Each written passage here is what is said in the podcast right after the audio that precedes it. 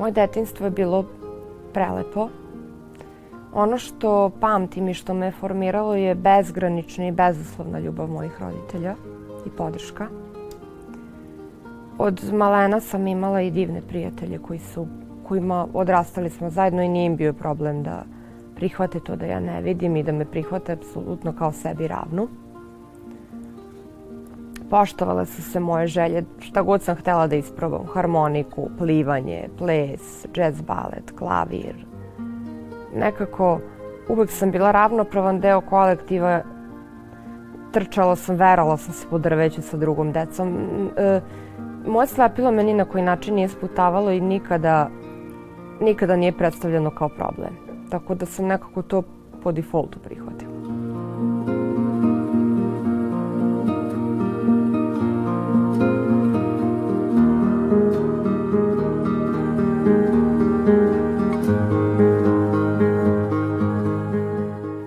Isključivo zavisi od toga kako prihvate roditelji, koliko su informisani, koliko se potrude da se informišu. Dobro, kad se to meni dogodilo, to nije bilo, nisi imao gde da se informišeš. Sada to zaista ima, ima puno ljudi koji imaju isto, isto iskustvo ili slično i su voljni da pruže podršku. Postoje mnoge knjige, priručnici, čak i tutoriali na YouTube-u. Tako da, apsolutno, to jako zavisi od roditelja, jer ako te roditelj prihvati kao sebi ravnog i kao nekoga ko može sve, tako će te i okolina prihvatiti. I ti sam sebe.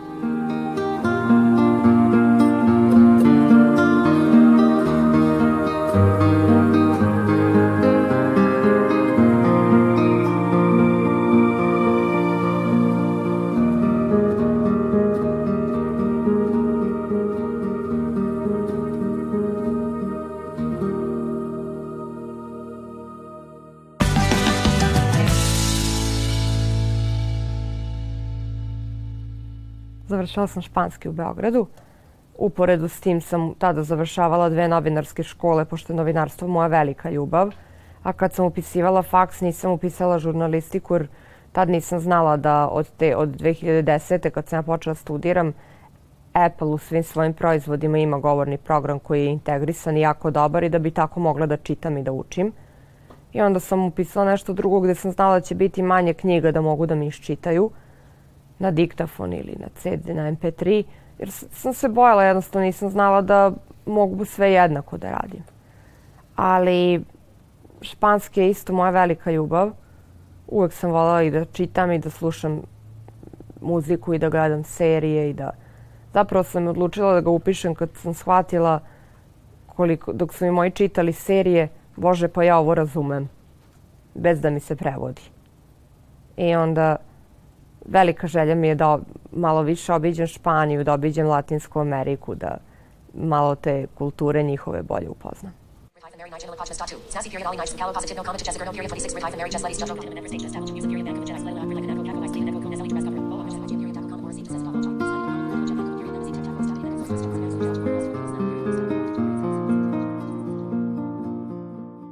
Izdvojila bih dve koleginice koje su mi prijateljice već koje su jedna iz Pančeva, jedna se zove Milica isto kao i ja.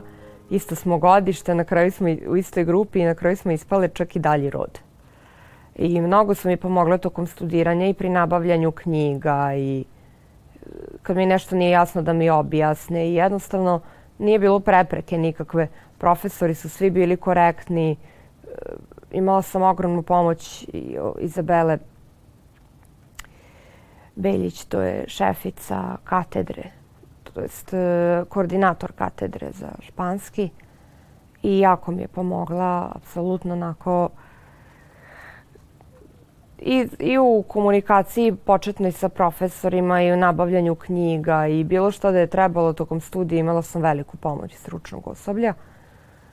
Nisam imala nikakvih problema pri učenju. Velika pomoć je bila uh, organizacija USH, Udruženja studenta sa hendikepom, koji kada, ako mi cimerka ne pročita na diktafon, su imali svoje volontere koji ti pročitaju knjigu na, i snime na MP3 da bi mogla lakše da učiš.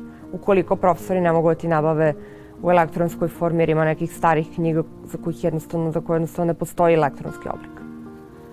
Ali u principu to su bile četiri predivne godine mog života. Živela sam u gradu koji obožavam, studirala sam jezik koji volim, uporedo sam se beto bavila i novinarstvom u isto vreme koje volim.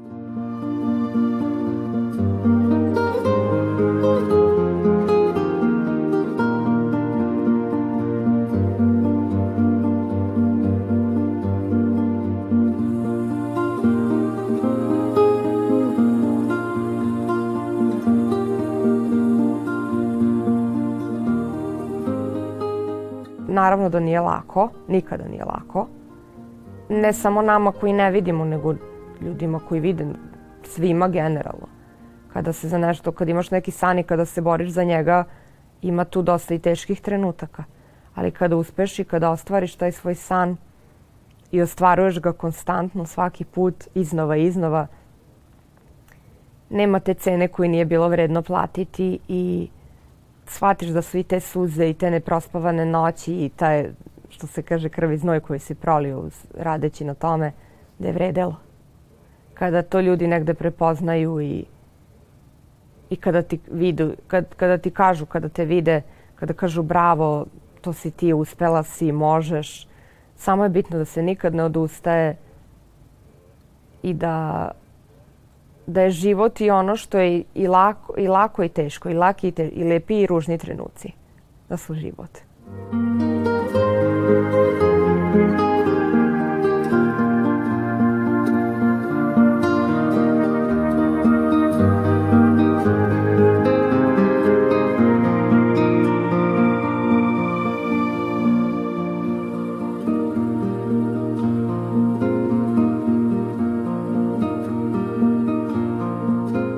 Novinarstvo sam ušla prvi put, prvi moj susret, ako ne računam novinarsku sekciju u osnovnoj školi, to je stvarno sitnica.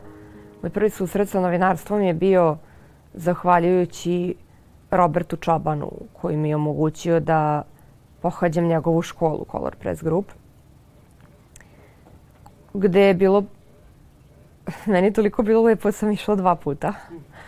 Prvi put je bilo imali smo mnogo zadataka, puno urednika nam je predavalo raznih. Imali smo ovaj, na svim tim predavanjima oba puta i televizijsko novinarstvo i onako ljude koji su dobri, dobri u svom poslu koji su bili voljni sa nama da podele neka znanja, savete. Zapravo su nas pitali, pitali su nas šta nas najviše zanima, svakog po osob, i rekli kako je to što te najviše zanima, to što treba da radiš, i što najviše privatno pratiš jer ćeš tu najviše biti, biti najbolji jednostavno. Tu ćeš steći naj, najviše kontakata, imaš već neko veće znanje. Tako da je mnogo lakše nego kada ne znaš šta te zanima pa se tražiš. U principu jesmo imali zadatak od za svakog urednika da nešto napišemo čisto da vidimo forme kakve sve ima. Ali su nas puštali da radimo ono što najviše volimo kako bi izvukli maksimum iz sebe.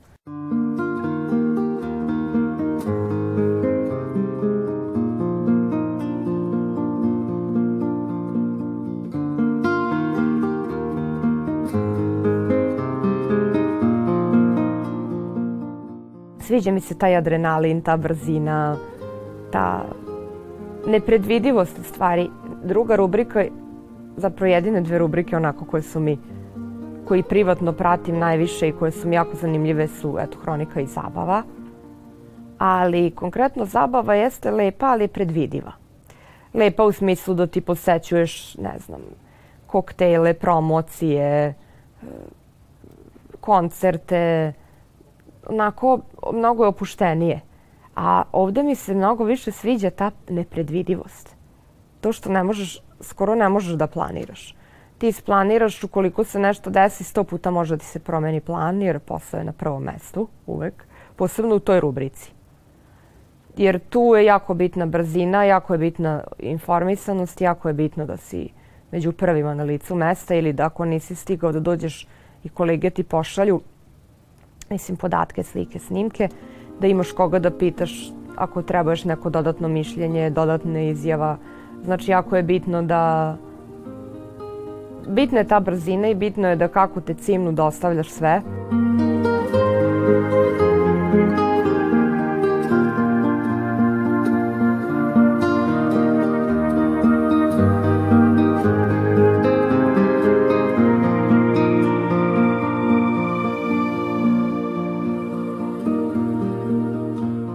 Smatram da sam ja dobar primer. Da invaliditet ne može da bude problem ukoliko ti ne želiš da, ono bude problem, da on bude problem. A ako želiš i boriš se za svoje snove, sigurno ćeš ih ostvariti. Naravno da je osobi sa invaliditetom u nekim situacijama teže nego osobi koja nema invaliditet. Ali osoba sa invaliditetom, za razliku od ljudi koji nemaju invaliditet i koji se nekad uljuljkaju onako, pa kako god uspeću nekako, jednostavna osoba sa invaliditetom ima nenormalnu jako, e, veliku snagu i nenormalno veliku želju da i sebi i drugima dokaže da taj invaliditet ništa ne znači, da on jednako dobro može da radi sve kao osoba koja ga nema, čak nekad i bolje, jer se mnogo više potrudi. Jer ljudi kad nemaju nikakav invaliditet, oni se malo uljuljkaju. Sve ti postane neka, ne, mogu kažem ti postane sve rutina, ali uljuljkaju se i nemaju neku potrebu ono, ok, pokazali su da mogu, da znaju i nekako više ne, se ne trude da se dokazuju. A ljudi koji imaju neki invaliditet imaju stalno neki u sebi osjećaj da treba da dokažu i sebi i drugima. I svaki taj e, uspešno, uspešno obavljen posao, bilo, bilo čime da se bave, je ogromna pobeda toj osobi. Ogromna pobeda i pokazatelj koliko može i da može još više. Naravno i mi imamo svoje uspone i padove i tuge i sreće i sve, ali jednostavno svaka i najmanja, najmanji pomak, svaki najmanji pomak jednostavno, kako da kažem, nama je ogroman korak.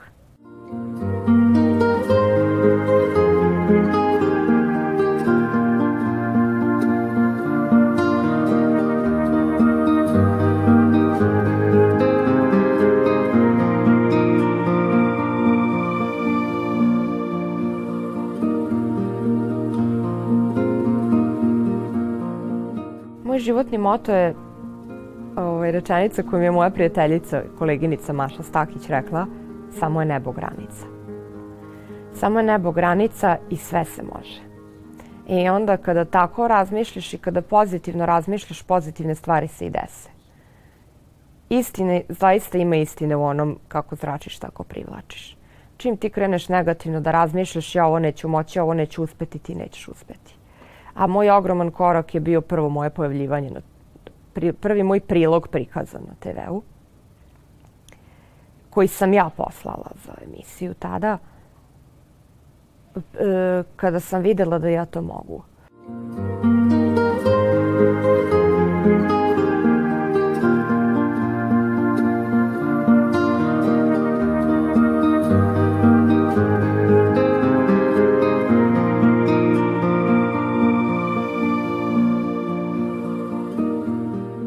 Osoba s invaliditetom se treba uvek sećati.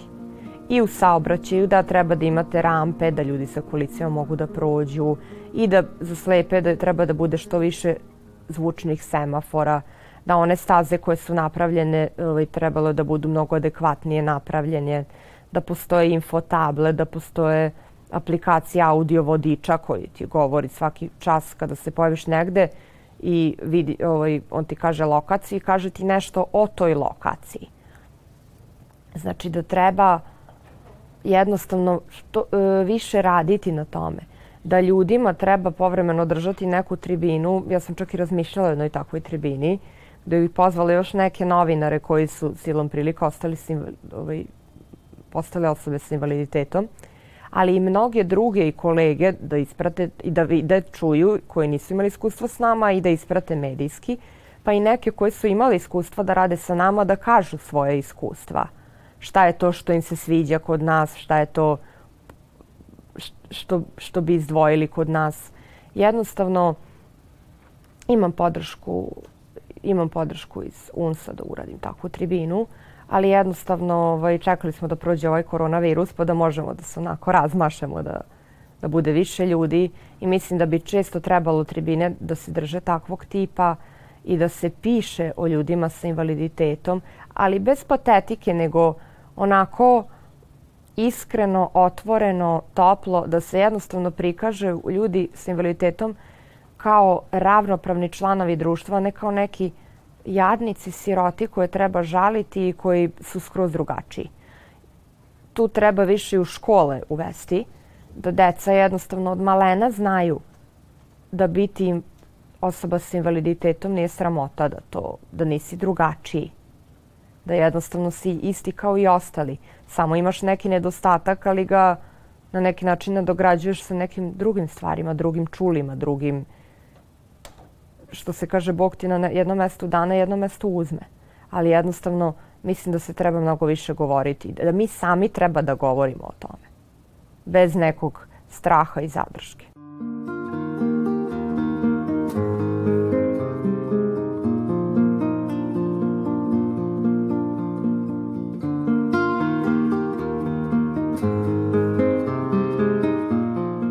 Ja sam oslepela u inkubatoru. Ja sam rođena u sedmom mesecu trudnoće. Jedino sam preživela od trudnoće sa trojkama, a najmanje sam šanse imala. Ali izgleda da je, da je moj organizam već tada pokazao koliki ću ja biti borac, jer sam se ja bukvalno sama izborila. Bukvalno su lekari rekli odnesite je kući u jagnjećoj koži pa šta bude. I odneli su me kući i ja sam bukvalno sama se podigla i nekako ta ljubav mojih roditelja mi je još od tada sigurno sam dala snagu. Imam i mlađeg brata, imamo jako lep odnos i imam, imam divnu porodicu. Imam tri brata i sestru. Braća su od strica, ali smo bukvalno kao rođeni jer su ostali bez brata i sestra bez roditelja. Tako da imamo predivan odnos i nenormalnu podršku imam od njih. Razumevanje nikad se nije desilo da da mi ne daju vetar u leđa za nešto što ja želim, kao i da ukoliko u nečemu ne uspem, jer i to je ljudski, dešava se, da mi ne pruže onako najveću moguću ljubav, podršku, uspećeš, bit će bolje drugi put, probaj ovo, probaj nešto drugo ako ti to ne uspe. I jednostavno nikada mi nisu dozvolili da klone. Tako da mislim da je to jako bitno i takvim prijateljima sam se okružila. Jednostavno sam se na lep način udaljila od negativnih ljudi, od ljudi koji nisu dobronamerni. Ne volim ni sa kim da se svađam, samo se udaljim. Jednostavno mislim da je život prekratak za mržnju, za zlobu, za... Potrudila sam se kao mala sam bila jako...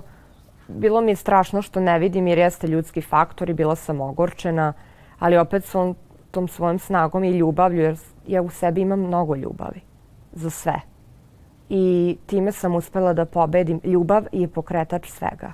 Ljubav sve može da pobedi. Mnogi misle da je to kliše, ali nije.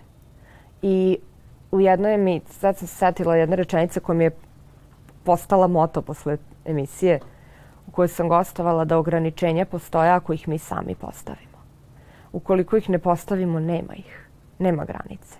I smatram da jednostavno e, kada, se, kada sam pošto od malena, mislim, samo sebe sam takvu jedino i upoznala kao slepu osobu, prihvatila sam to kao nešto normalno i nisam imala loših iskustava. Ima naravno svakakvih ljudi, ali i moja intuicija je jako jaka i u poslednje vreme se sve više trudim da je slušam. Ali moje slepilo nije konačno. Nije zauvek. Ja ću saznala sam da postoji mogućnost da mi se vrati vid i da će to, pa ne mogu da preciziram kada, ali relativno uskoro nadamo se da se desi. Tako da to nije kraj, jer ja ne odustajem.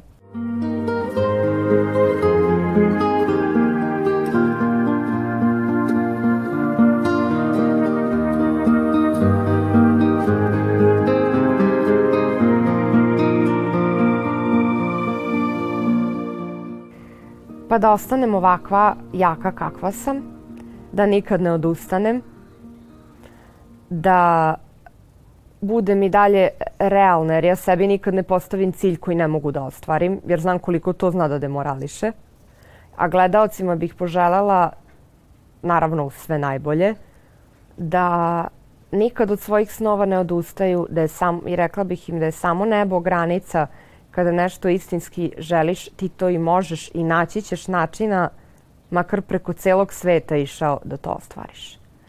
I da, je, da nije bitno da li si drugačiji, da je bitno ono što nam je svima isto. Snaga, volja, ljubav, bezgranično prijateljstvo i podrška i da ne treba nikada drugoga koji ima bilo koju vrstu invaliditeta na bilo koji način ko je drugačiji, da zapravo on nije drugačiji nego da je isti kao svi sa istim potrebama, željama, srećama, tugama, osjećanjima, samo mu treba pružiti šansu, upoznati ga i videti šta je, ko je, koliko vredi i koliko može.